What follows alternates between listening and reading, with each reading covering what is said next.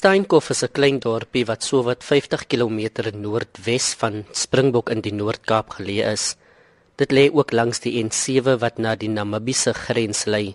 Die dorp is meestal Afrikaans sprekend en het 'n bevolking van sowat 8000. Inwoners sê dwelms het 'n probleem geword op hulle klein dorpie wat na aan hulle hart lê. Die inwoners sê hulle sal alles in hulle vermoë doen om die gruwel uit te roei. Hulle het drie huise en twee karre van vermeende dwelmhandelaars aan die brand gesteek. Die mans het op die vlug geslaan en skuil in omliggende dorpe. Verlede jaar in Port Nolloth, ook 'n dorpie in Namakwaland, is 'n groep mans uitgestoot omdat hulle glo met dwelms gesmous het. Andrew Crew is 'n 43-jarige pa van 4. Hy het op die ouderdom van 9 jaar met dwelms begin eksperimenteer. Crew sê hy was op die ouderdom van 12 gedwing om gerehabiliteer te word, maar dit het nie gehelp nie. Sy droom as 'n kind was om 'n soldaat te word. Toe hy egter met dwelms begin, het die droom verander.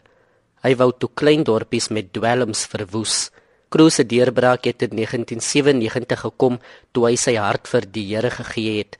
Hy verduidelik hoe maklik dit is om dwelms op klein dorpies te kry. Dis easy peasy. Jy is 1 2 3 en jy staan met gramme tik in jou sak. Dis maklik, dis baie maklik om in die hande te kry. Hy sê dwelms veroorsaak net probleme en dit moet uitgeroei word. Dit is definitief 'n morele val in 'n gemeenskap wanneer die dwelm die die die gemeenskap betree omrede. Daar word gelei onder huisbrake, diefstalle. Jy kan nie goed in jou hart meer los nie. Môreoggend is dit nie meer daar nie as gevolg van die dwelm ding.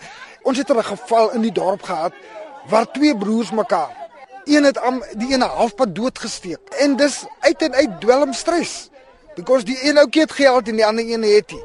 En toe vra die ene by die ander ene en toe weier die ouetjie en toe steek hy hom daai mannetjie lê nou buite hope in die hospitaal.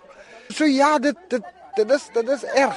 Dit is erg wat dwelms in 'n gemeenskap kan doen Die gemeenskap het hulle aksie opgeskort terwyl hulle vir die polisie wag om binne 7 dae iets aan die dwelmprobleem te doen. 'n Inwoner, Kosie van Wyk, sê die polisie draai te lank. Ons voel nie gelukkig nie.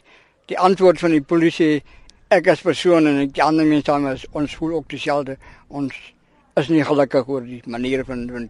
Hulle snoer die ding sodat die die die gemoedere van die gemeenskap verder kan opvlam omdat hulle se gemoedere net so hoog soos myne is. Die polisie sê alles is onder beheer en hulle is deurlopend in kontak met die gemeenskap. Polisiewoordvoerder kolonel Priscilla Naidu The situation at the moment is under control. There was a situation. We have arrested suspects. They did appear in court and they were released on bail. The charges range from housebreaking, robbery, malicious damage to property, as well as arson. We have enough police deployment in the area. They will remain in the area until they come. There is continuous dialogue between the community and the police. Die polisie sê hulle werk aan inligting wat hulle van die gemeenskap ontvang het Die gemeenskap wag om te sien of hulle positiewe resultate gaan kry en of hulle met hulle aksie moet voortgaan. Ek is Reginald Witboy op Steenkof in die Noord-Kaap.